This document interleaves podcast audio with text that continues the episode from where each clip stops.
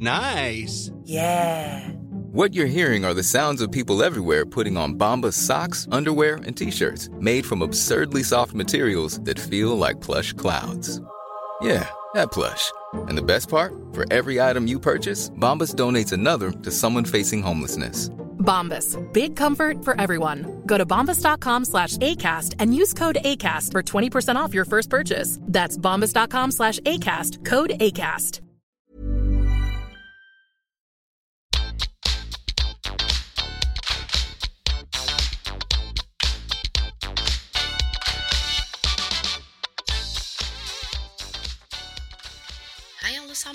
Velkommen tilbake til podkasten Karriereveiledning med Elaine.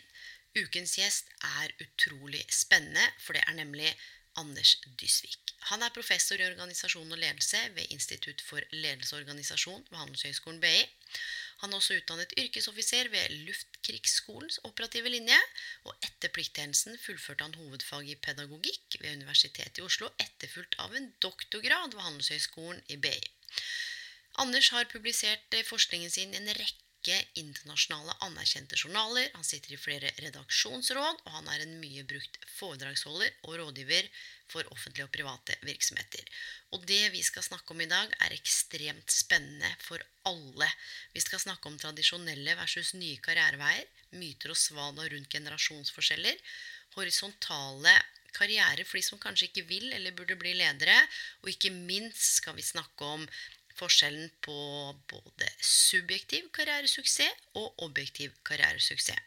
Og som vanlig så fører jo samtalen oss inn masse andre spennende veier, så det blir en hel del gode refleksjoner knytta til det vi skal snakke om, men også en del interessante refleksjoner utenom. Så med det, mine venner, ønsker jeg dere god lytt!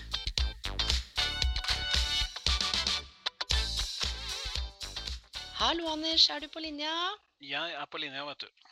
Du, så hyggelig, og tusen takk for at du har tatt deg tid i en hektisk hverdag til å være med på denne podkasten. Jeg har gleda meg masse.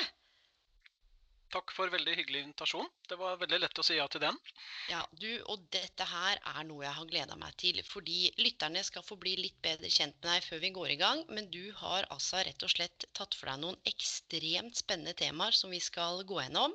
Som vi skal komme tilbake litt senere. Men det er jo sånn at vi må bli litt bedre kjent med deg. Så Anders, husker du hva du hadde mest lyst til å bli når du var liten? Jeg har nok hatt litt sånne varierte framtidsønsker. På et eller annet tidspunkt så hadde jeg lyst til å bli astronom. Så jeg satt i veldig ung alder ute på taket med stjernekikkert og sovepose eh, og noterte ned eh, stjernene og himmellegemenes gang over eh, den store galaksen vår. Eh, jeg tenkte en periode at jeg skulle satse litt på idrett, så jeg var aktiv innenfor friidrett i, i mange år.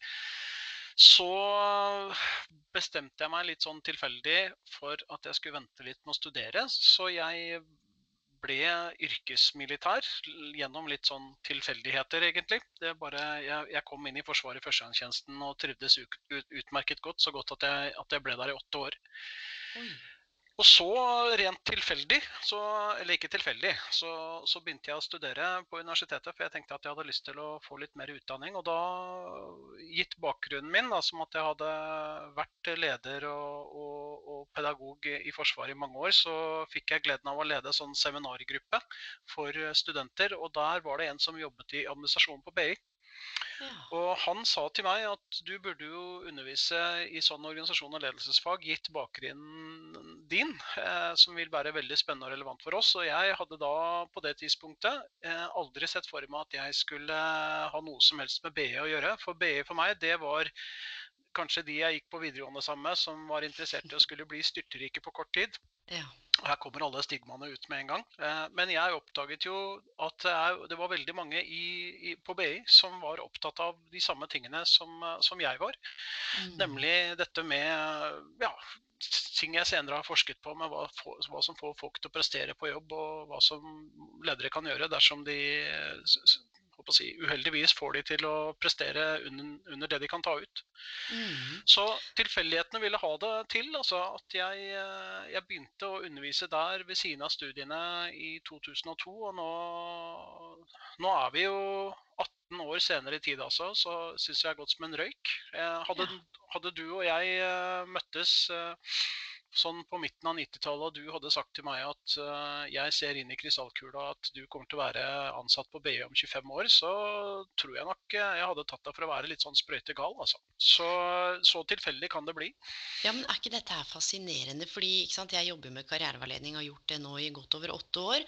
Og det er akkurat dette med å ta valg under litt uforutsette eller usikre forutsetninger, og så eh, ha litt det der press om vite hva man skal bli eller gjøre om 10, 15 eller 20 år. Mm. Og det er jo litt sånn som du beskriver beskriver, og som alle andre gjester har akkurat brukt det ordet du brukte, dette med tilfeldigheter. Mm. Og så er det jo sånn at ofte når man ser tilbake og får snakke litt om egen karrierehistorikk, da begynner å gå gjennom den, så kan man også få en del sånne aha-opplevelser. Altså, var det tilfeldig? ikke sant? For man har jo valgt å takke ja til noe. Man har jo kanskje satt seg i situasjoner eller eh, tatt kontakt eller kommet i snakk med mennesker som har propellert en ny tanke eller følelser, i hvert fall mm. generert en eller annen interesse, da. Mm. Og det er ofte det Jeg hadde et eh, foredrag på, på, Universitetet i Bergen, det er lenge siden. Spurte 400 stykker om de visste at de skulle jobbe med studieveiledning for åtte år siden. To av 400 rakk opp hånda. Ja, ikke sant. Ikke sant? Og det er jo det som er litt tema i dag også for podkasten, dette med karriere og karriereveiledning og noe du skal gjennom.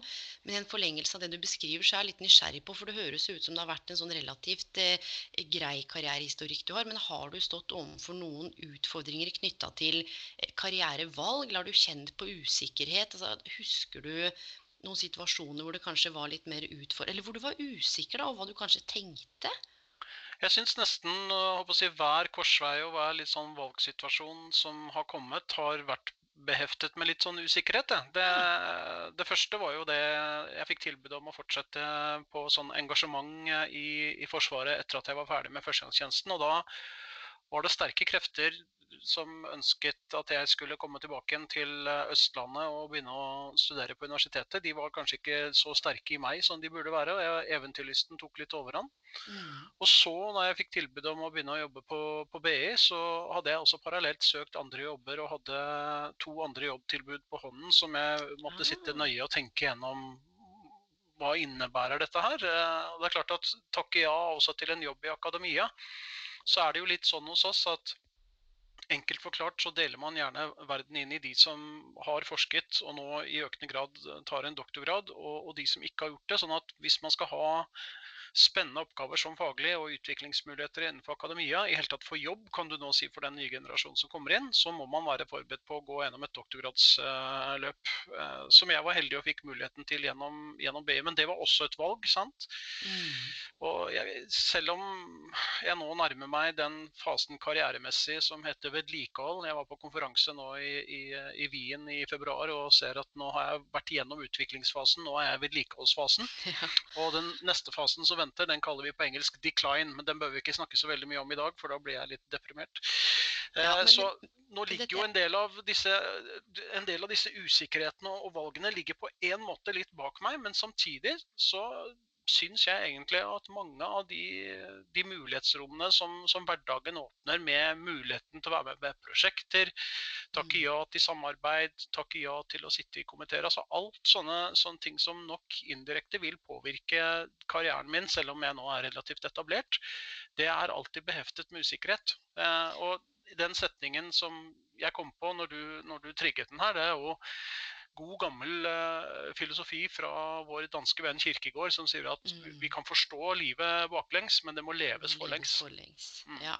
Og, og, dette her er så fascinerende, fordi, og litt sånn som du beskriver nå med dette spesielt karriere en sånn type prosess. Det fins ulike begreper. ikke sant? Du har ulike livsfaser. Man skal forske, etablere seg og, og kommer til decline. Og så tenker jeg litt sånn Kan det tenkes at selv om det ligger mye forskning bak, at noen av disse diskursene og begrepene også innvirker på oss på en sånn måte at ja, så kommer du til type decline-fasen, og så er det noe som på en måte fester seg litt mentalt. Mm. For det er jo ikke sånn at man er 60 og nødvendigvis er i ferd med å pensjonere seg eller skal decline. I hvert fall hvis du ser på populasjonen og helse. og Det er mm. mange som ønsker å jobbe. Og jeg er litt sånn opptatt av språk og makt og disse ulike dis diskursene som, som verserer også. og tenker at det kan kanskje også ha en innvirkning på hvordan vi oppfatter vår egen karriere og hvor vi er i livet. Ja, definitivt. Og ikke sant? På sånn Gammel pensjonsalder eh, og den type ting er jo beregnet på at tidligere hadde folk et, et livsløp, en, en, livsfase, som var betydelig kortere enn det, det livsfasen er i dag. Eh, nå i september i fjor så måtte jeg si farvel til en god og kjær venn av meg, morfaren min, som døde. Han ble 100 år og fire måneder. Eh, som er en voldsom god prestasjon, og det lover jo godt for mine gener også. Eh, men han var en person som var flott på veldig mange måter, men at han også var nysgjerrig og vitebegjærlig mm. og til stede helt til det siste. Det var mm. vel kanskje bare de siste par ukene som han ikke var så interessert i å lese Aftenposten, men fram til det punktet så hadde han holdt seg daglig oppdatert i nyhetsbildet og løste kryssord liksom en gang i uka var på. da. Så jeg tror det, det, er en sånn vekker jeg skal ta med meg videre og si at du skal være fryktelig forsiktig med å pensjonere Eh, medarbeidere bare fordi de har rundet et visst mm. tall i alder. Mm. Vi vet også fra forskning på alder og prestasjoner og den type ting at det betyr forsvinnende lite. Du kan ha medarbeidere som er engasjerte for jobben sin, som brenner for organisasjonen og arbeidsgiver og ønsker å bidra etter beste evne, helt fram til pensjonsalder og godt etter det. Og Da er det jo Guds lykke at det finnes organisasjoner som Miles f.eks., ledet av mm. konserntjener Tom Georg Olsen, som jeg vet ikke om du har hatt som gjest, men hvis du ikke har det, så vil jeg anbefale han som ja, neste person ut. Flott. Eh, du har eh, organisasjoner som GIEK, Garantiinstituttet for eksportkreditt, som systematisk og bevisst leter etter erfarne medarbeidere med erfaring, som kanskje har jobbet mange mange timer og, og, og lagt ned mye på jobb i, i bransjer, men de har tilegnet seg en helt unik erfaring og ekspertise som de kan høste av i moden alder. Mm. Eh, så jeg er enig med deg. Her må vi slå et slag for, for de som er mer voksne, som min mor vil kalle mm. det. Eh, fordi det er jo tross alt de som også skal bidra til å, å bære dette samfunnet og velferdsutviklingen for alle, etter hvert som det blir flere munner å mette med færre hender i jobb. Ja, og akkurat det du er inne på nå, det, er, det, er noen sånne ting jeg brenner for innenfor karriereveiledning. Og spesielt også eh, når vi er kort inne på det nå, dette med eldre. Og har jo hatt en del seniorkurs, jobbet med en del seniorer. og Akkurat nå er det jo svært mye henvendelser. Eh, det er jo mm. ikke noe tvil om at vi befinner oss i en eh, spesiell situasjon. og Vi skal ikke bruke mye tid på å snakke om koronaen, for det har vært snakket veldig mye om. Ehm, men det er klart jeg får henvendelser nå fra stadig folk i økende alder, 55 pluss, som hele tatt skriver altså tror du det er håp for meg, tror du det er plass for meg, jeg må omstille meg, jeg er permittert. Hva gjør jeg nå? Jeg har jobbet samme sted i 20-30 år. Og det er jo ikke like vanlig nå, hvis vi skal se på det kom ut en NOU-rapport i 2016 som heter 'Norge i omstilling'. At flere vil jo omstille seg, måtte skifte jobb, ta flere utdanninger. Eh, og det å at samfunnet også åpner øynene for at det er fantastisk mye å hente i eldre arbeidskraft. De har ikke gått ut på dato. Det handler jo mye om hode og hjerte og alt det de har å bidra med, som jeg opplever at det ikke snakkes så mye om. Det er mer de unge og litt det vi skal innom med disse ulike eh, generasjonene og teknologi og postmoderne samfunn. Men så sitter det altså så mange på så mye unik og fantastisk kompetanse som ender opp eh, rett og slett kanskje i Nav-systemet. Ja, Kanskje vi skulle erstatte begrepet eldre arbeidstakere med arbeidstakere med lang erfaring. Fordi eh, det understøtter jo nettopp det de har som er unikt å bidra med. Når du prater nå, så kommer tankene mine også til Borregaard.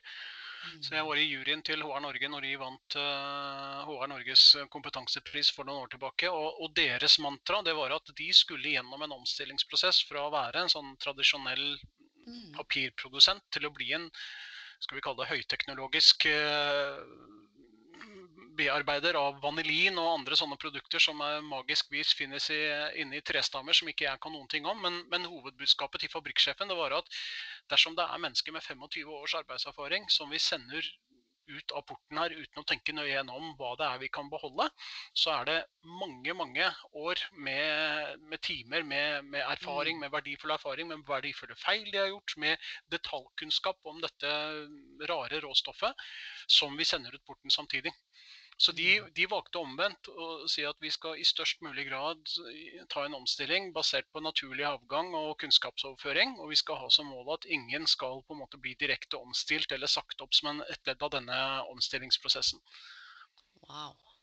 Det er en litt annen måte å tenke på. Ja, det er mulig. Ja. og det her bringer meg litt over til eh, i hvert fall kanskje dine refleksjoner rundt For nå er vi inne på dette med, karriere og snakke litt om seniorer. Men så er det jo sånn at eh, begrepet karriere Um, har du noen refleksjoner knytta til kanskje hva du legger i det begrepet? Altså hva, hva, betyr begrepet karriere for deg i det postmoderne samfunnet vi nå på en måte lever i? Kan jo si at Karriere er jo definert fra litteraturen som summen av alle de erfaringene som et individ gjør seg i og utenfor uh, aktivt arbeidsliv og arbeidsgivere. Mm. Eh, som er en, Vi pleier å si når vi skal forske på ting, at det er fint å ha en definisjon som inkluderer det vi vil være interessert i, og så er det en, en, en definisjon som avgrenser samtidig de tingene som ikke er relevante. Men utfordringen og det som er litt spennende med å jobbe med karriere, at det er så mange ulike områder innenfor en persons liv som vil være relevant å se på. Og som du sa i stad, mange av disse tingene henger sammen. Mm. Så En vis kollega av meg som heter Michael Morley, han, han, sier at kanskje den beste karriereforskeren som finnes, det er deg selv når du har gått av med pensjon og sitter på, på, på, si, på eh, sykehjemmet og reflekterer bakover på mm. hva du har vært igjennom og ser dette i sin fulle bredde. Og kanskje det, er, kanskje det er vanskelig å forstå det man er oppi først i, før man kommer til på en måte litt endestasjonen. Ref tilbake igjen til Kirkegård her. Mm. Så man kan egentlig velge litt hva man skal ta utgangspunkt i. Er, eh, for meg så er eh, karriere egentlig en beskrivelse av en reise som eh, du er klar over hvor begynner, men hvor sluttpunktet ikke nødvendigvis er så klart. Men det som man bør ha som kompass da, i denne navigeringen, hvis vi skal se bort fra at GPS-en har blitt oppfunnet, det vil for meg være det som gir deg personlig interesse, personlig eh, glede, personlig mening. Mm. Sånn at du, du, lar deg styre i størst grad at du opplever at det du gjør er meningsfullt og suksessrikt for deg og de omgivelsene som si, kommer, blir tilgodesett av at du gjør en aktiv og god jobb for, for arbeidsgiveren din. Men hvordan har det seg da at, og spesielt mange av de jeg har møtt og jobbet med, både tett gjennom Nav, men også nå i privatpraksis, eh, befinner seg i jobber som de ikke trives med eller vil bort fra, men har utfordringer på en måte med å, å ta det skrittet og ville videre. Mm. Er det kobla til, til, frykt? Er det kobla til eh, selvfølelse, selvverd? Altså, det er mange ting som spiller inn her. Men Veldig ofte så handler det om Jeg skal si, skal ikke si veldig ofte, for da generaliserer jeg, men det jeg opplever i min praksis, er at det er mange som ikke har det noe godt i jobbene sine. Mm. Og at man også Karriere er synonymt med jobb. Mm. Eh, men som du sa, altså det å være hjemmeværende mamma, det kan jo være en form for karriere. Det å jobbe frivillig. Det er mange ting som går under paraplyen eh, begrepet karriere. Men hva er det som gjør da at mange befinner seg i karrierer hvor de i utgangspunktet skulle ønske at de var et annet sted? Har du noen refleksjoner knytta til det? Ja, Der er det nok mange ting som er med og påvirker, som du, du, er inne på. Så Det er jo et sånn sentralt tema for oss som er interessert i organisasjonspsykologi og ledelse. Mm -hmm. jeg, må, jeg, må, få lov til å begynne med å si at vi i Norge er eh, privilegerte på veldig mange måter eh, sammenlignet med andre arbeidstakere i andre deler av både Europa og, og verden for øvrig. Eh, vi har jo f.eks. Eh, vi kan jo skotte litt til hvordan ansatte blir behandlet i eh, et land på andre siden av Atlanteren i disse tider. Der mm. man relativt brutalt og på kort varsel får beskjed om at arbeidsforholdet her er opphørt. Og det sosiale sikkerhetsnettet, sammenlignet med hva vi har her, eh, og ikke minst også tilbudet innenfor helse, eh, er jo på mange måter uhyrlig. Det må være lov å, å bruke såpass sterke ord. Ja, ja. Så de aller fleste som er i Norge, født med norsk pass og, er, og eller er norske statsborgere, har jo allerede kan du si, fått syvgangeren i Lotto eh, allerede. Det må vi være litt bevisst, altså. Så, og, men det andre er jo selvfølgelig at selv om vi er beskyttet av lover og regler, og det er faktisk pålagt fra arbeidsgivers side i Norge at man skal prøve å sørge for at de ansatte opplever jobben som meningsfull og interessant. Det er jo nedfelt i disse det vi kaller psykologiske jobbkravene som er i arbeidsmiljøloven så varierer jo praktiseringen av dette her i veldig stor grad. Vi har eh, ansatte, la oss si to ansatte med omtrent samme jobbfunksjon. Der den ene kan virkelig oppleve at jeg har funnet min plass i livet, og den andre kan oppleve, som du er inne på, at jeg må komme meg bort fra denne jobben og denne funksjonen. Jeg må finne en arbeidsgiver som fortjener meg. Vi har jo mange av de i Nydalen som kommer til oss på etter- og videreutdanning, der de ærlig og åpent sier at mye av grunnen til at eh, jeg er motivert til å ta denne utdanningen, det er at eh, jeg ønsker å finne en arbeidsgiver som, som setter pris på og anerkjenner meg og min kompetanse. Mm. Og Her er det en myriade av kilder til hvorfor disse variasjonene oppstår. Det kan være alt fra litt sånne individuelle personlighetstrekk og disposisjoner som noen bærer med seg. Mange beskriver eh, forholdet til sin nærmeste leder som viktig for å forklare eh, trivsel og engasjement på jobben, eller mistrivsel og fravær av engasjement. Eh, man snakker også om hvordan man blir behandlet eh, av organisasjonen for øvrig, med innretning på ledelses- og strukturpraksis praksiser og belønningssystemer. I hvilken grad man føler seg nært knyttet til sine kolleger. Eh, I hvilken grad man ser at det man gjør er av betydning for en, det vi kaller et brukerperspektiv. At en annen person eh, får det bedre i livet sitt ved hjelp av at denne varen eller tjenestene blir tilbudt. Mm. Så jeg tror det er vanskelig å sette liksom, fingeren på ett punkt og, og, si at det er grunnen til at folk mistrives. Men jeg tror det er veldig viktig, det arbeidet du gjør med å få de til å bli bevisst eh, sine styrker og hvilke situasjoner de trives i. Og også kanskje prøve å identifisere litt hva kan kilden være til problemet, og se om er dette noe man kan gjøre noe med. Eh, og i mange tilfeller, hvis det er en, en krevende og vanskelig leder som man har overfor seg, så kan det kanskje det beste være rett og slett at man finner ut at det kan være bedre for meg å finne et annet sted å jobbe. Ja, og dette er så interessant, fordi ofte, ofte, så Når du sier det, så dukker det også opp her at det, ofte så er jo ledelsen eller den lederen gjerne det som går igjen som en utfordring. Mm. Eh, og det ligger også noe forskning, nå husker jeg ikke konkret, men, eller hvor den var fra, det vet jo du sikkert mye bedre enn meg, men x antall sa opp jobben sin som følge av at et eller annet eh, trøbbel på, på, linja med nærmeste leder. Mm. Og så er det jo litt sånn, sant, hvilken rolle spiller man selv, hvilken rolle spiller lederen, alt som handler om det mellommenneskelige, kommunikasjon, relasjon. Um, og samtidig så tenker jeg jo at det å stå overfor et jobbbytte For innenfor karriereveiledningsfagfeltet nå så er det jo fire konkrete karrierekompetanser. Først handler det om evnen til å ta beslutning, evnen til å se muligheter, evnen til å håndtere overganger, og til sist dette med selvinnsikt.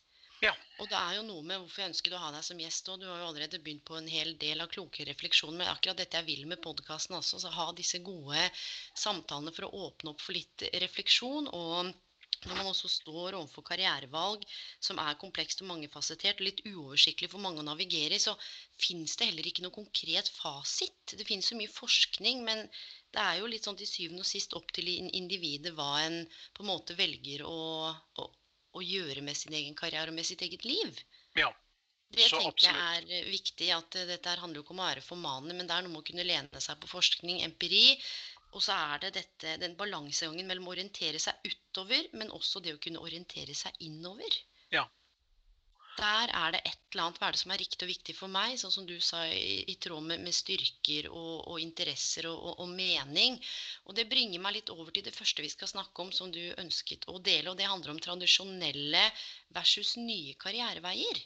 Ja. For det er jo sånn at jeg hadde en gjest på podkasten før deg som jobber med kunstig intelligens, og han sa det at 2029 så er i arbeidsmarkedet og jobbene og samfunnet litt sånn slik vi ser det i dag, det er i endring. Og jeg er litt nysgjerrig på da dine tanker rundt akkurat dette med tradisjonelle og nye karriereveier. Så her er det bare å fyre løs, altså. De såkalte Gå tilbake igjen til morfar igjen. Han, eh, sønnen min arvet nå da gullklokken til uh, morfar, som uh, morfar fikk etter lang og tro tjeneste i Mobil Oil, et uh, oljeselskap som ikke lenger eksisterer, men som er inkorporert i Esso her i Norge. Ja. Morfar gikk stolt på den jobben som han fikk ganske tidlig etter krigen, og stilte opp lojalt for det selskapet i tykt og tynt i, i godt over 40 år. Mm. Eh, jeg tror ikke like mange kommer til å få gullklokker fra arbeidsgiver som tidligere generasjoner. fordi nå er jo for det første livssyklusen til en del selskaper er kortere av naturlige årsaker. Teknologisk utvikling. Vi kan jo ta Videorama som et godt eksempel. Du og jeg er vel voksne nok til å huske det.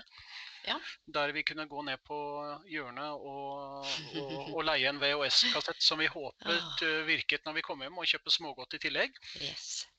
Men uh, nå er det andre ting som st streamingtjenester som jo har tatt over. ikke sant? Og Blockbuster fikk vel tilbud om å kjøpe Netflix for en latterlig sum uh, sammenlignet med Netflix sin uh, verdi nå, men de takket nei, for de mente at selskapet var overpriset for noen år tilbake. Mm. Så en del av oss som har jobber, vi kommer rett og slett til å måtte endre jobb fordi grunnlaget for den organisasjonen som vi jobber for, ikke lenger er eksisterende. Og det som er litt ubehagelig, ifølge en del av disse strategiforskerne som ser på dette med innovasjoner, det er at de fleste innser ikke at uh, si, organisasjonen har gått ut på dato før det er for seint.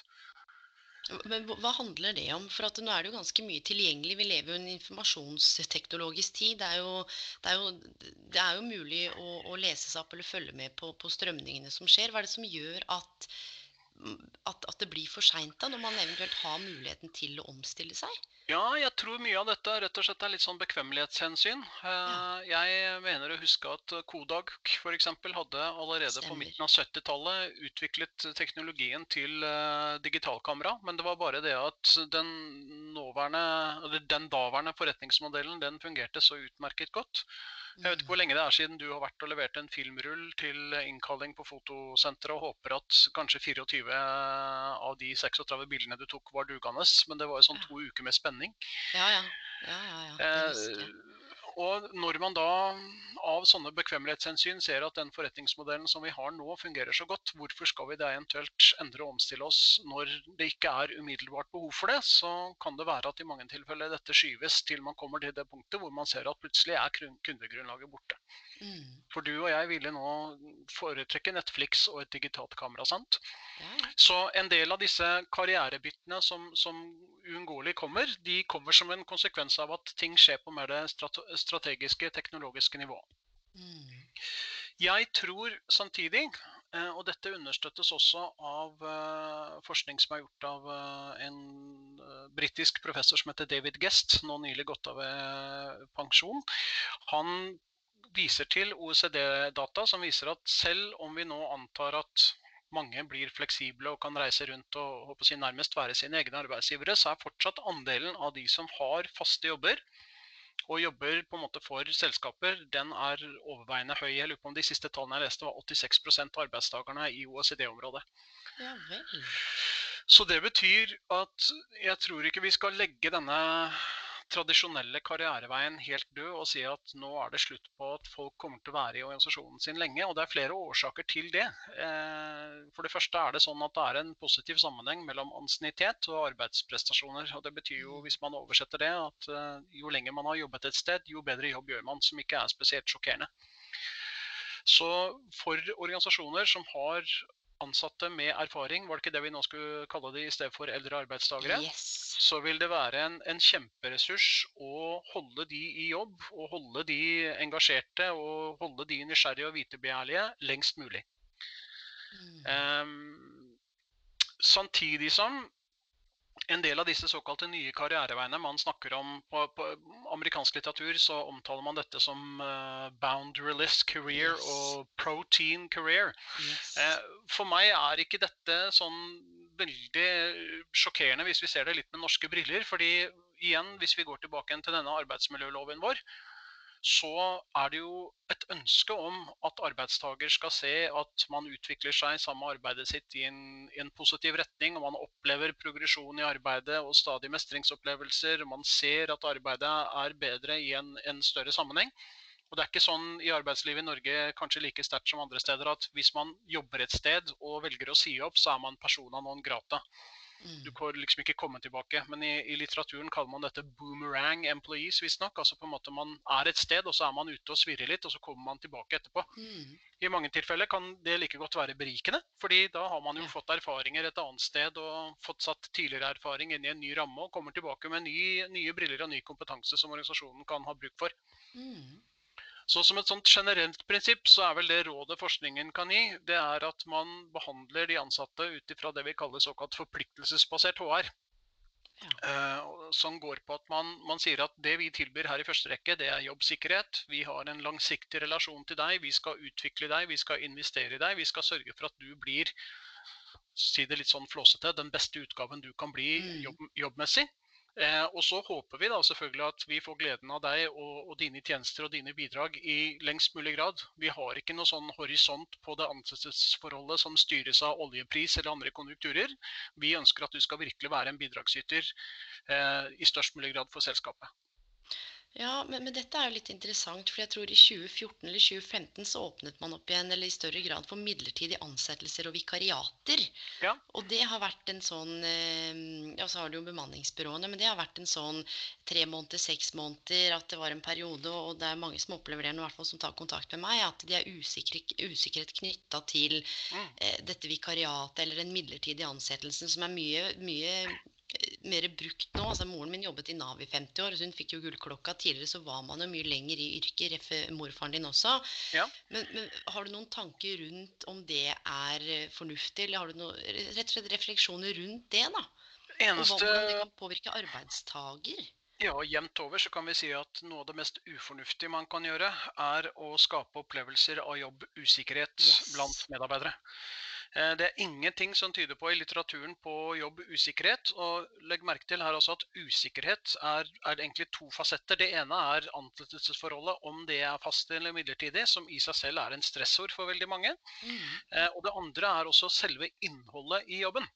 Sant? Så hvis jeg mm. nå har gjort jobben på følgende måte i 20-30 år og hatt eh, høy grad av mestring knyttet til det, og så får jeg nå beskjed om at vi skal bli digitalisert, og vi skal gjennom et digitalisert grønt, grønt skifte, for å bare slå sammen noen begreper her. Mm. Eh, så vil de ansatte som ikke er sikre på hvordan de skal møte denne nye jobbvirkeligheten, de kan reagere med både fysiologiske og psykologiske reaksjoner som tilnærmer seg i retning av et samlivsbrudd.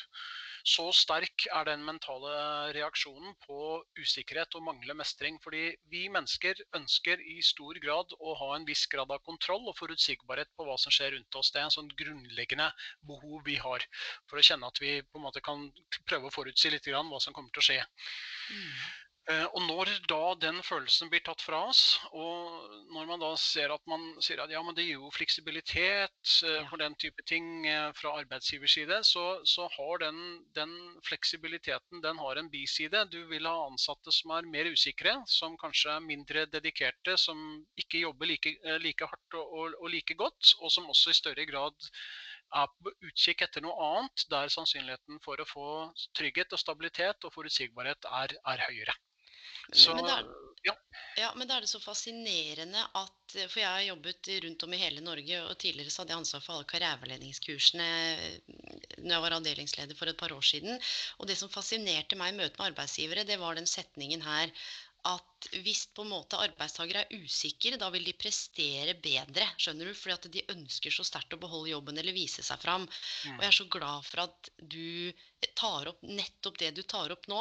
At det antageligvis ikke er en sånn sterk korrelasjon mellom det å oppleve usikkerhet og da skulle stå på ekstra for å prestere, men heller tvert imot. Det er, det er et eller annet der som skurrer for meg rundt om. Nå sier jeg ikke alle arbeidsgivere, men det har vært litt sånn ja. gjengs altså, i møte med ja, men her skal de prestere, og ikke sant? de må vise hva de er gode for før vi i hele tatt kan gi noen trygge rammer. Mm. er litt fascinerende.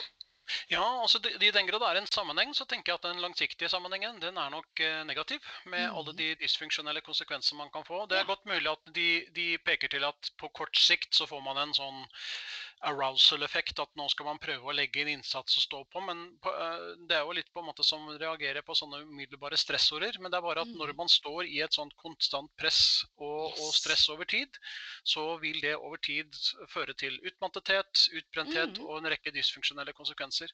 Så jeg vil heller si omvendt. at har, Skal du på en måte si som en ramme at du skal få mennesker til å prestere på sitt beste, så er psykologisk trygghet mm. eh, ligger der som en forutsetning. Og psykologisk trygghet å skape det som vi omtaler her på huset som et mestringsklima, ut ifra min gode kollega og venn Kristina eh, Nerstads forskning, mm. så ønsker man i et mestringsklima at man skal jobbe målrettet og beinhardt for å bli så god som man kan bli. Og Det er ikke noe lett å få til det, men poenget er at man har hele tiden tro på hva den personen kan få til, gitt den personens forutsetninger. Og De som da er bekymret for at man skal ansette folk, og så finne ut at man har eh, ansatt katta i sekken hvis man ønsker å omtale mennesker på den måten, jeg er ikke tilhenger av det, så kan vi jo minne de da på at det finnes noe i Norge som heter prøvetid. Ja. Og den prøvetiden, hvis den brukes aktivt, eh, så er det ikke sånn at man trenger å gå til fast ansettelse etter en prøvetid dersom man kan dokumentere på en systematisk og god måte hva utfordringen har vært, og hva man har gjort i løpet av prøvetiden for å, å, å ta tak i dette samme vedkommende. Mm. Det, men dette her bringer meg litt over til eh, det neste vi skulle snakke om. Eh, har, du mer, har, du noen andre tanker rundt dette med tradisjonelle versus nye karriereveier? Før vi hopper videre? Ja, jeg, Vi kan jo prøve å oppsummere litt og si at ja. jeg, jeg, tror vi skal være litt sånn uh, Vi skal være avventende til at alle har lyst til å være gründere og entreprenører ja. og sitte i åpent kontorlandskap på Grünerløkka og drikke kaffe og lage sin egen bedrift. Det fins mm. veldig mange mennesker der ute som er veldig godt fornøyd med å finne en arbeidsgiver som behandler dem på en skikkelig og verdig måte, og som de ønsker å bidra til på hverdagsen i, på, i størst mulig grad. Så skal, jeg tror vi skal være forsiktige med å si at uh, sånne tradisjonelle ting som langsiktighet i, i, uh, i, ansettelsesforholdet og jobbsikkerhet og den type ting, at det er yesterday's news. Jeg vil nesten si det sånn at de er nok forutsetninger for å få gode og vedvarende prestasjoner over tid. Dette her likte jeg å høre. Dette var godt å høre. For mye av fokuset er nettopp i dette postmoderne samfunnet som preges av kompleksitet, endring, sjanser, globalisering, eksponentiell utvikling i teknologien, så hører vi jo til stadig at nettopp det du beskriver, er på vei ut. Mm. I hvert fall i en del litteratur, og så kan du jo se i sosiale medier og hva som tas tak i der. Men noe av det du snakker om nå, tenker jeg også kan hektes på kritisk tenkning. Mm. Knytta til hva vi hører, hva vi leser, og hva vi på en måte lar influere oss. For vi er jo utsatt for utallige ulike påvirkninger daglig, bevisst, ubevisst. Og akkurat det du beskriver nå, det tenker jeg kan være utrolig godt for mange å høre. For det er lyttere av den podkasten her som er alt fra 18 til 70 år. Det er et ganske stort, bredt nedslagsfelt. Mm. Og jeg tror det du sier nå, gjør at mange kan trekke litt sånn lettelsens sukk. At ikke alle skal løpe og starte sin egen bedrift. og ja, rett og slett finne opp all kruttet på nytt, da. Helt enig. Ja, det der var helt eh, Nei, nå kjente jeg at jeg ble glad. Ja, men så bra. nå tok jeg til lettelsens sukk òg. Men du Anders, vi skal over til noe som også har vært skrevet om og snakket mye om, og det er myter og svada rundt generasjonsforskjeller. Ja. Ikke sant? Hvordan disse unge menneskene har telefonen sin på PC når vi finner en jobb med mening og på en måte Det er, det er skrevet så innmari mye rart. Kan ikke du rydde opp litt i disse mytene og svadaene for oss, er du snill? Vi kan jo prøve det. Eh, det er jo et, et felt som er beheftet av eh, mye meninger eh, og synsing. Altså. Og det, altså, vi må jo ta det først. at det er, jo, det er jo fint at vi har tros- og ytringsfrihet i Norge, men, men, det er jo ikke alt det er like fornuftig å tro på og ytre. Så øh, da er rollen som sånne som, som meg, som forsker på dette, til å, til å, sette seg litt inn i litteraturen og stille så spørsmålet det, kan man argumentere? For det første, Vi har jo lært sånne nye ord nå som heter kohort. Det var, ja. det var nytt for meg. Men man sier liksom at man har ulike kohorter av, av, unge mennesker som da er unge på 1970-, 1990- og, og 2000-tallet. Og så sier man at de som nå kommer, det er på en måte en helt ny generasjon, eller kohort, da, som på en måte er opptatt av helt andre ting enn det man tidligere har vært, og, og verre skal det bli. Ja. Da er det nyttig å, å se egentlig litt på, på data, eh, som, der man har spurt disse menneskene om hva det er på en måte som er viktig for dem, og hva det er som driver dem. Og så bør man jo i sannhetens navn også spørre dem når de er på tilsvarende sted i livsløpet. Mm. Så det ble publisert en studie av eh, en amerikansk forskergruppe som heter Tvenge og kolleger. Eh, og den studien viser noe ganske interessant når det gjelder eh, sånne såkalte generasjonsforskjeller. Den studien viser at når man spør 19-20-åringer på 1970-tallet, 1990-tallet og 2000-tallet hva er på en måte viktige motiver for deg å tenke gjennom når det gjelder valg av studier og jobb, da svarer man altså på tvers av tre generasjoner at indre motiver kommer ut som viktigst. Sånne ting som å bli behandlet på en skikkelig måte, oppleve at man får muligheten til å ta selvstendige beslutninger, mestringsopplevelser knyttet til egen fungering og gode sosiale relasjoner til de som man har rundt seg. Det er én ting som har økt i løpet av si, som er forskjellig på, på, på, på, tvers av disse tre gruppene mennesker, og det er behovet for fritid. Men det kan man også forklare med at arbeidsmengden har økt parallelt like mye i den samme perioden. Sånn at man tilbringer mer og mer tid på jobb. Og mm. dermed kan det være ikke unaturlig at man da skulle kanskje ønske seg at man kunne ha litt mer fritid. Så denne myten altså, om at uh, det kommer uh, unge mennesker som kun er opptatt av seg og sitt og sin skjerm og sitt digitaliserte vesen, og ikke er i stand til å, å, å, knytte kontakter uh, med andre rundt seg og være opptatt av de tingene vi var opptatt av når vi var, var 19, det viser seg å være positivt feil når man konfronterer disse, disse, områdene med, med, data. Og det andre er jo hva skulle teoriforklaringen ha vært? Sant? Vi, pleier jo å si mm. at skal man ha gruppeforskjeller, så bør det jo ha en logisk forklaring. Eh, og jeg ser ikke evolusjonsmessig noen forklaring på hvorfor grunnleggende motiver og behov skal endre seg fundamentalt i løpet av så kort tid. Når vi vet hvor lenge disse behovene har vært viktige, og, og jevnt over at dette er viktig for, for barn i alle aldre. Så i stedet for å omtale dette som generasjonsforskjeller, så er det forskere som heller eh, sier at vi kan heller snakke om aldersforskjeller basert på hvilken livsfase man er i. Mm. Så hvis man tenker litt igjennom hvordan jeg var da jeg var 19-20 år, så vil jeg anta på godt og vondt så var jeg nok ikke så forskjellig fra de som er 19 og 20 år nå. Eh, eneste er at jeg observerer at jeg syns at de er veldig unge. Eh, når jeg var 19-20 år og observerte mennesker som var 46 år, nærmer seg 47 der jeg er nå, så tenkte jeg at du er jo veldig gammel. Mm. Eh, jeg er ikke sikker på om de som da var 6-47 eh, når jeg var 19 år, følte seg så gamle. Jeg vil anta at de omtrent var der hvor jeg var nå, med bra med gjeld. Eh, to flotte barn, hund, tomannsbolig, bil og en hytte på fjellet som banken eier. Mm. og jobber da på en måte for å komme litt videre til, til neste fase, der man kanskje har kommet over den verste gjelda og, og begynt å lande litt uh, og begynt å forberede kanskje tilværelsen som pensjonist, som nå for mange med god helse varer lenge. Mm.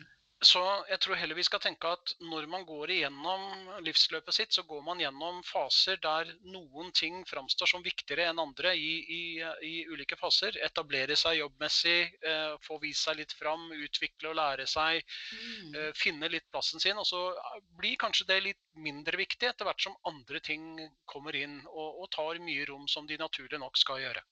Mm. Og jeg tenker at dette her igjen, da, både for de som lytter, og det er mange arbeidsgivere som lytter også. Um, og dette her går jo på tvers. Du har jo eldre ledere eller arbeidsgivere som vegrer seg for å ansette unge. Du kan ha mm. unge som vegrer seg for å ansette eldre. Og, og hele nøkkelen her er jo både forskning og, og, data som du snakker om, men også dette her med å gå i dialog. Altså igjen dette med kritisk tenkning og fordommer basert på noe vi har lest eller noe vi har hørt. Mm. Og, og, så viser seg jo at i det man går i, dialogen og kanskje begynner å avdekke og tør å kanskje spørre noen av de spørsmålene som du er inne på nå Hva er det du er opptatt av? Hva som er viktig for deg? Hva er det du trenger? Eh, så vil man kunne avdekke at eh, vi mennesker er nok mye mer like enn det vi er ulike på mange av de grunnleggende områdene. da.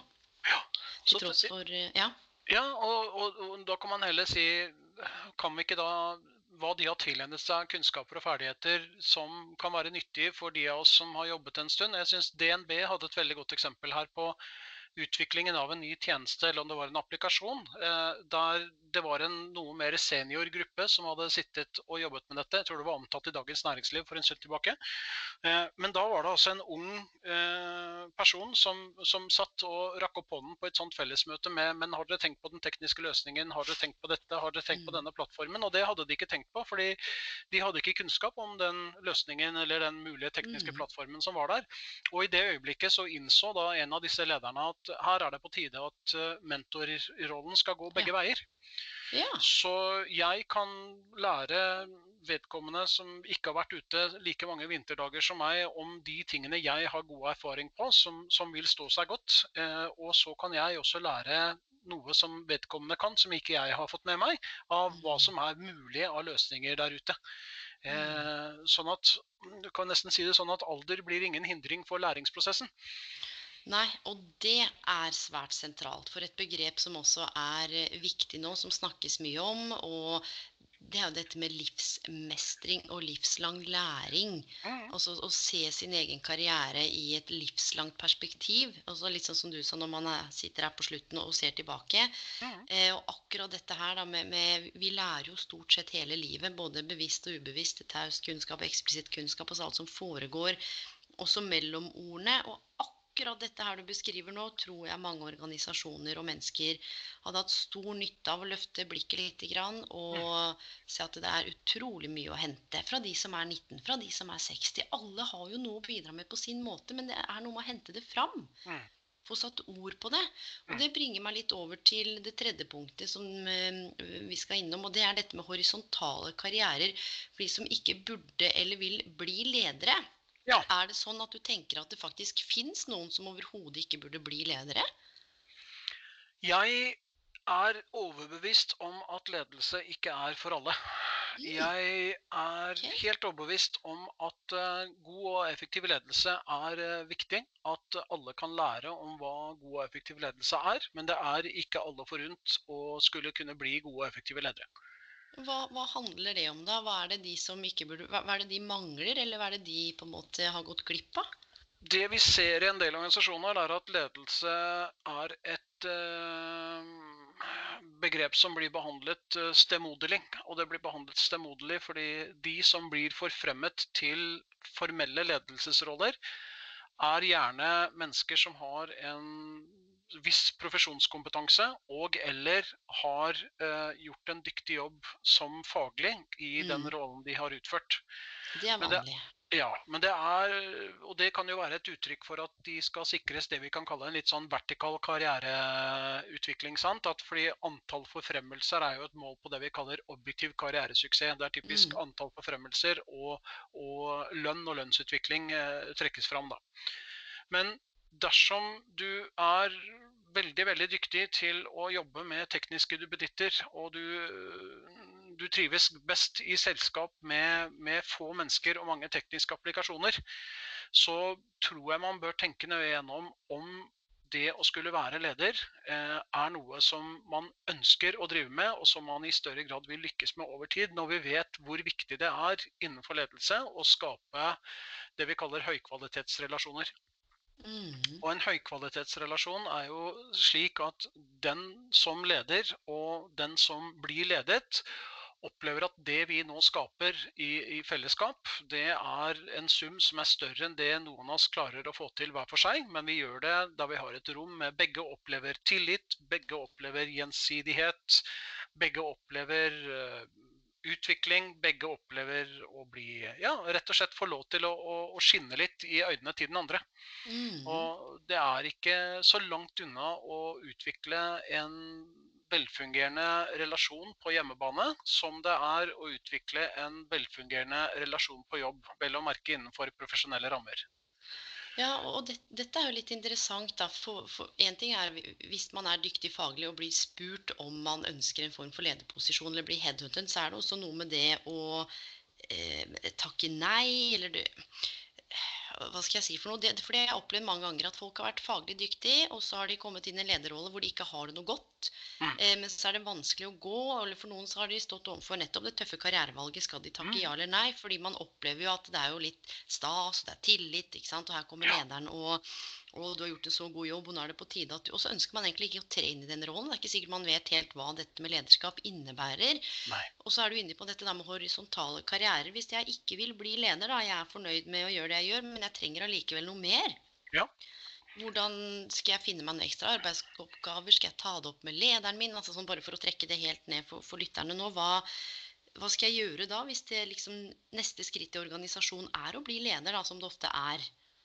Hvis man da trives bedre med å jobbe med fag og fagutvikling og teknisk utvikling og faglige problemstillinger, så er eh, rådet vårt å, å tenke nøye gjennom og heller etablere skal vi kalle litt sånne horisontale karrierestiger. Eh, kan nevne DNV GL, som eh, vi brukte som bidragsyter inn på et program i, i flere år her hos oss. De har, og hadde utviklet en, en, ramme for hvordan man kunne tenke ikke bare vertikal karriereutvikling, men også på en måte horisontal. Mm. Deres erfaring var at det var mange ansatte der som trivdes vel så godt i rollen som prosjektledere som kunne jobbe med fag og fagspesifikke utfordringer, enn som personalledere. Og det de da åpnet opp for, det var at hvis du nå har jobbet litt som på en måte eh, personalleder med, med, formell ledelse, og du nå ser at dette er et prosjekt som du virkelig ønsker å fordype deg i faglig, så får du lov til å jobbe horisontalt og gå den stigen. Og nøkkelen for at man da ikke skulle se på dette som et prestisjenederlag, det var at lønnen fulgte personen. Ah. Så det kan jo være en sånn en tankegang. Jeg, jeg jobber jo nå i akademia der det er veldig mange som trives utmerket godt med å få lov til å, å fordype seg og berike seg og, og, utvikle seg faglig. Og kanskje ikke alle er like motivert for å bli eh, si, ledere i en vertikal stige. Jeg bare sier det litt mm. sånn diplomatisk nå. Ja. Og, og, da bør man også kunne åpne opp for den type opplevelse av suksess. Eh, slik den enkelte ser det, at det å skulle få lov til å jobbe godt med fag, og ikke nødvendigvis måtte bli fristet inn i ledelsesfunksjonen, det kan bli sett på som prestisjefylt og anerkjennende også for den enkelte. Ja, for det er jo interessant litt dette når vi ser, ser tilbake litt sånn på, på, jobb og utdanning og den berømte karrierestigen. At man starter nederst, og så skal man klatre, klatre seg oppover. Og det du tar opp nå igjen, tenker jeg er viktig viktig, viktig, viktig, og spesielt viktig for mange av lytterne som jeg vet har vært opptatt av dette her, som ikke nødvendigvis har hatt lyst til å bli ledere, men som også opplever at de stagnerer fordi organisasjonen har ikke noe annet å tilby. Men igjen så kan det også være at man ikke har fått satt ord på det selv, men at det neste steget alltid stort sett da er en eller annen form for lederposisjon. Ja, og det å åpne opp for dette her i ulike organisasjoner, og kanskje for de som lytter, å vite at det, det fins, eller kunne sette ord på det overfor sin nærmeste leder, det kan være sentralt. Vi var litt inne på det i stad med, med, prøvetid. Jeg mm. tenker at det å ha en ærlighet på det med prøvetid som leder, det ja. kan også være fornuftig. At mm. man sier at nå tar vi en fase her hvor vi går inn og ser er dette noe du trives med. Er dette på en måte noe at du føler at dette får du til, og dette, dette ønsker du å jobbe med, dette syns du er interessant. Mm. Og så vil vi også ta Det er jo en, en mottaker eller noen mottakere i andre enden her. Eh, hvordan ser de på, på, opplevelsen med å ha deg som leder, og hvordan, hvordan Hva, hva syns de om, om dette, og hvordan dette utvikles? og så tar man en evaluering og en, en pust i bakken etter en stund og sier at er du komfortabel med dette her, trives du med dette, er dette noe du mm. ønsker å fortsette å jobbe med? Og så er det da kjempeviktig at det ikke er noe nederlag å si at jeg har prøvd dette, jeg syns det var interessant, men jeg ønsker på en måte å fortsette å fordype meg faglig. Det er liksom Der ligger min greie. Ja, og dette her bringer meg over til noe av det siste vi skal snakke om, som handler om dette med subjektiv og objektiv eh, karrieresuksess. Mm. Og jeg leste nylig Du har jo vært med og gjort en relativt stor tverrfaglig studie. Mm. Kan ikke du si litt om den, for den var heftig og interessant. Litt knytta til det temaet her er jo det. Eh, jeg har hatt gleden nå i noen år å få lov til å være med i en sånn internasjonal forskningsgruppe hvor vi eh, er satt sammen eh, forskere fra ja, alle kulturelle dimensjonene til, til Schwartz. Sånn at det som egentlig kan krype og gå av kontinenter, bortsett fra mm. Antarktis, er representert i gruppa. Og subjektiv karrieresuksess, det er jo noe annet enn en denne rent objektive som vi snakket om i stad, med vertikal eh, mm. opprykk og lønn. fordi her er det din egen opplevelse av å lykkes med det du gjør karrieremessig. Mm. Eh, hva er det på en måte som, hva er det som driver deg i, i ditt arbeid? Hvordan, håndterer du eh, ting som du syns er litt utfordrende? Opplever du selvstendighet? Opplever du at du utvikler deg? Føler du at det du gjør, bidrar til at du beriker de og deg omkring deg? Mm. Eh, blir du satt pris på som en ekspert? Eh, ser du eh, på en måte at det er en, en, positiv konsekvens av jobben du utfører? Og legger du igjen noe du er stolt av?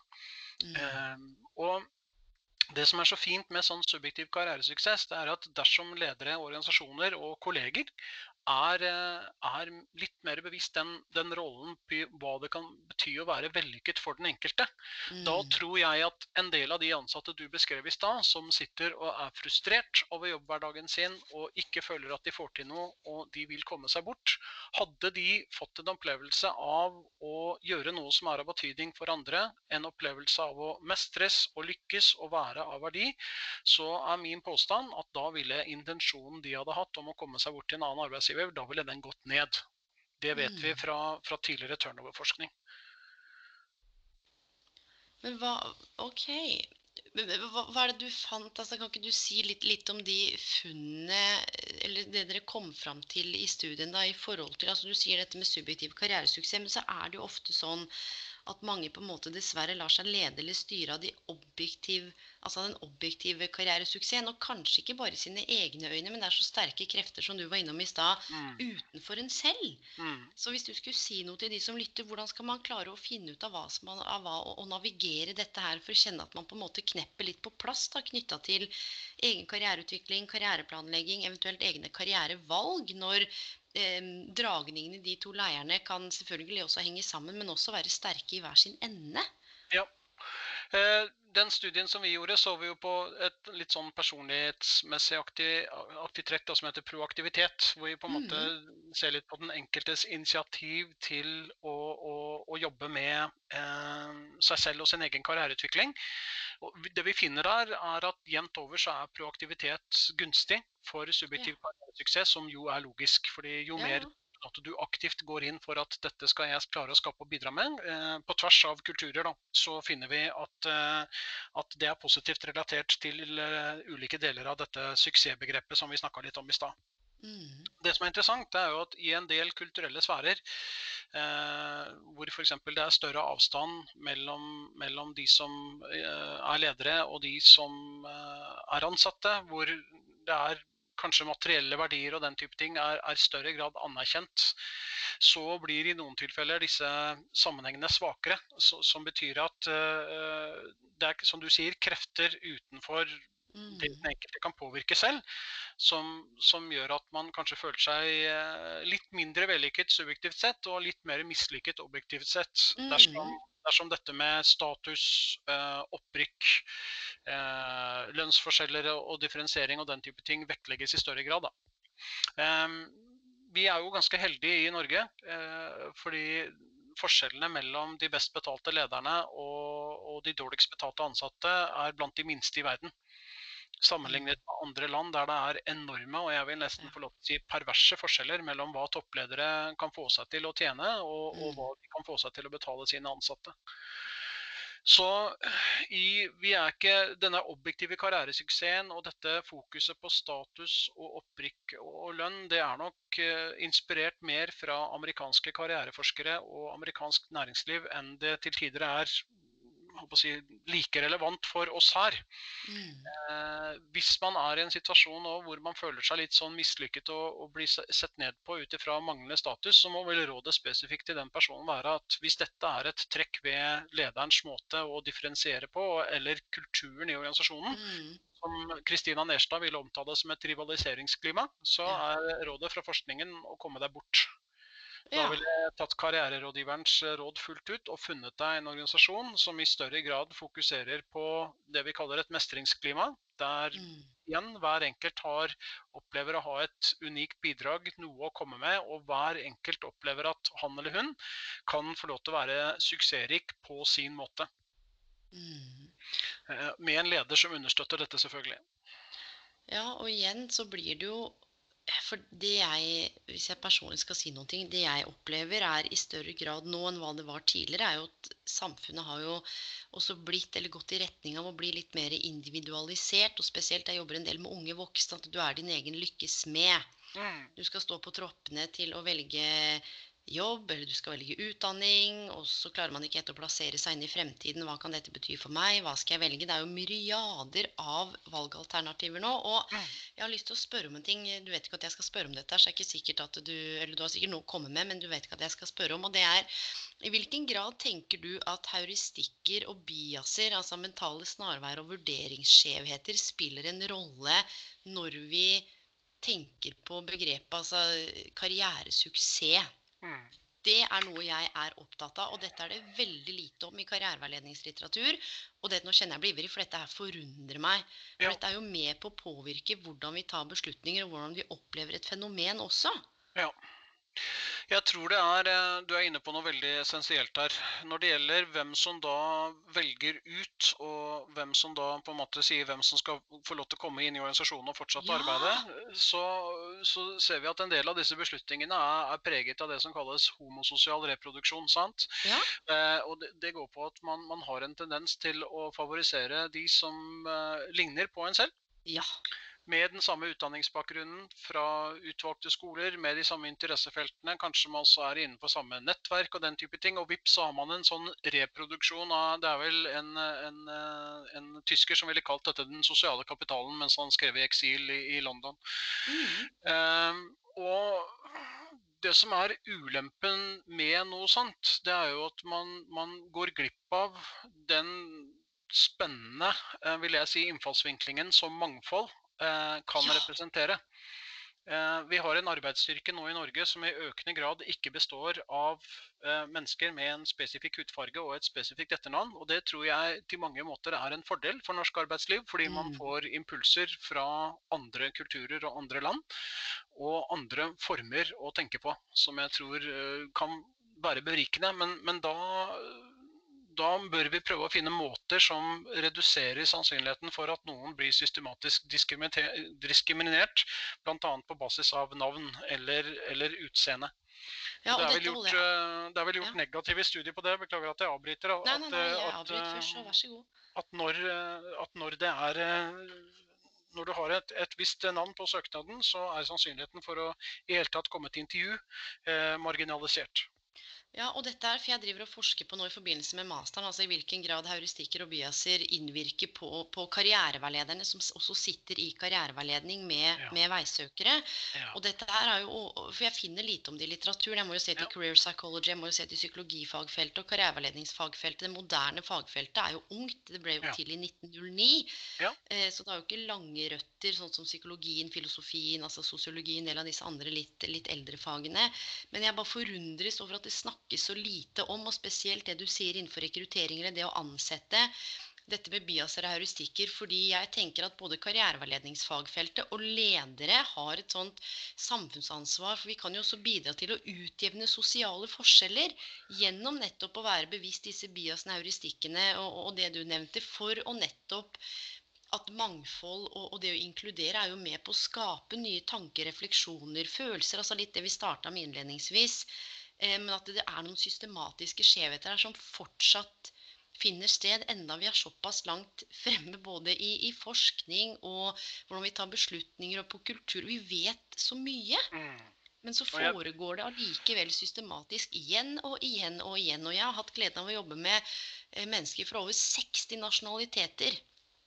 Og det er dessverre mye av det samme som går igjen der, som litt det du beskriver, som eh, personlig gjør meg vondt. Ja, jeg er helt enig. Og jeg, jeg hører jo også mm, Dette er sånn, Nå prater jeg privat, men jeg har Ja. kolleger som har vært til stede på, på fellesmøte på skolen, der altså veiledere har sagt at det er jo ikke alle som har mattehjerne, sier de. Nei, Så de advarer da mot at man skal velge matematiske fag. Og jeg tenker at hvis man da blir møtt med en holdning om at du har jo ikke mattehjerne, så du kan ikke lære deg matte, så bryter det fundamentalt med veldig mye av det læringssynet som du og jeg har, eh, har blitt kjent med når vi har på en måte studert pedagogikk. Altså, Mm. det, alle har forutsetninger for å bli bedre til noe gjennom målrettet og systematisk trening.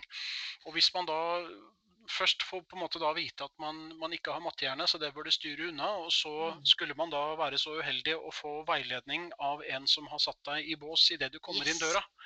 Så tror jeg det bidrar til at veldig mange får begrenset det potensialet de har til å oppleve noe som er kjempeviktig for oss, nemlig opplevelsen av subjektiv karrieresuksess. Definitivt. Og dette her er jo også litt sånn tilbake til det du snakket om innenfor lederskap og ledelse også, hvor det i vurderingen av medarbeidere, ansatte eller de som er eh, midlertidig tilknyttet, hvor, det igjen også forekommer både Ja, heuristikker og biaser og, og, disse mentale snarveiene. Og vi trenger det jo, vi er jo avhengig av det for å på en måte fungere i hverdagen. Men, mm. men den bevisstheten knytta til det, både på egne vegne, men også overfor andre er eh, svært essensielt. Mm. Men det er, og det finnes igjen isolert mye litteratur på dette, og det er en del litteratur forsket på det knytta til nettopp organisasjoner og rekruttering, og ikke minst kjønnsbiases. Men det er mindre forskning på hva slags rolle f.eks. en karriereveileder eh, karriereveileders heuristikker og biaser, hva slags rolle det spiller i veiledningen av si et ungt menneske da, som går på Nav, som har stått utenfor i lang, lang tid. Mm sant, som har utfordringer kanskje med å definere egen karrieresuksess. Man tenker nei, men de er ikke motivert. Men det handler ikke om manglende motivasjon, det handler om frykt. Mm. Frykt for ikke lykkes, frykt for ikke få det til, frykt for å mm. nok en gang rote det til. Så mm. det, dette med å kunne bruke forskning og data til å kunne gå bak og koble det opp mot empirien, men også jeg har en annen sånn, jeg kjenner jeg blir ivrig nå, at dette her ja, må kjempebra. enda mer fram i lyset og snakkes om innenfor karriereutvikling i mye større grad. Både for den som skal ta karrierevalgene, men også for karriereveileder og for lederne i organisasjoner som skal også eh, motta eller være mottakerledd av disse menneskene som er på jakt etter ny jobb. Ja. Så alt en, uh... sammen med alt er å påvirke hverandre gjensidig. Tenk deg en leder som han i Stormberg, som da i veldig stor grad tar imot uh, tidligere straffedømte og gir de tillit, gir de en ny mulighet, og i mange tilfeller også vel gir de nøkkelen til butikken. Og det viser seg at når disse menneskene får uh, nye muligheter og, og, noen som ser dem, mm. så får man altså fram de, de, gode trekkene i de som egentlig har kanskje ligget der hele tiden, men de har bare ikke hatt en, en mulighet til å bli vist fram. Nei, og det er akkurat det, og det er den balansen mellom å, å få den muligheten til å kunne vise seg fram, og ta den muligheten. Mm. Altså disse kreftene mellom igjen da, individ og, og, individ og samfunnsnivå. Du Anders, tusen takk for at du har delt så mange kloke refleksjoner. Men før vi avslutter, så må jeg jo spørre deg, fordi de som lytter, kommer til å ha vanvittig glede av denne episoden her. Og har du på tampen noen gode karriere tips eller sånn noen gode karriereråd. Jeg er ikke så veldig glad i å be noen gi råd eller gi råd selv. Eh, men samtidig så tenker jeg at det kan være viktig. Har du noen karriererefleksjoner som de som lytter, kan på en måte ta med seg videre og tygge litt på, som kan være til inspirasjon? Ja, eh, her er det jo du som er eh, på en måte eksperten, og vel jeg som er den eh, teoretiske tørrpinnen på siden. Så da må jeg nesten få lov til å være litt sånn privat og personlig. Når jeg står overfor sånne valgsituasjoner om hvor skal jeg gå nå i dette krysset her, så pleier jeg å sette meg ned med en Si, en, en, kopp med grønn te her nå, siden vi er på lufta. Og et, et papirark der jeg for min egen del beskriver hva jeg syns virker interessant og spennende med den eh, nye situasjonen, og eventuelt hva som virker litt sånn utfordrende. Og så på den andre siden hva jeg har som jeg syns er bra i dag, og hva jeg lurer på, hva jeg eventuelt kan prøve å forbedre. Og så mm. lar jeg det arket modne litt, men i stedet for at de tankene da skal kverne i hodet eh, hele tiden, så, så legger jeg det litt fra meg. Så går jeg og ser litt på det sånn fram og tilbake, og, og tviler meg vel da egentlig fram til en prosess. Men ja da er jeg igjen tilbake til kanskje det viktigste mantraet her. det er at hvis du skal velge et kompass som på en måte skal styre den rare reisen på båten som er livets hav, mm. så tenker jeg at sånne ting som mening, glede, interesse, engasjement, det, er, det tror jeg er nøkler å styre etter. fordi det gir i hvert fall meg mye energi. Når jeg ser tilbake på kjølvannet på hvor langt båten har gått så langt, så, så, er det de, hver gang de valgene jeg har tatt, så er det de tingene jeg har navigert etter. Hva, hva driver mennesker? Hva får mennesker til å prestere? Hvordan kan jeg bidra til at disse menneskene kan prestere? Eh, det gir meg også eh, langt mye mer glede i et sosialt fellesskap enn det skulle tilsi å på en måte ha en sånn ensom professortilværelse i akademia. Mm. Klokt. Anders, jeg har fått mange nye tanker. Og jeg er helt sikker på at lytterne har fått mange tanker. Jeg ble litt stille nå, for jeg prøvde på en måte å take it all in. Litt av lov til å si det. Du har tatt opp noen ting som jeg tenker er svært essensielt for veldig mange å tenke litt over. Så tusen, tusen takk for at du prioriterte å være gjest. Det setter jeg enormt pris på tusen takk for invitasjonen. Det var en veldig hyggelig samtale. Så det um, kommer gjerne igjen og prater med deg om dette i flere fora hvis det skulle være aktuelt.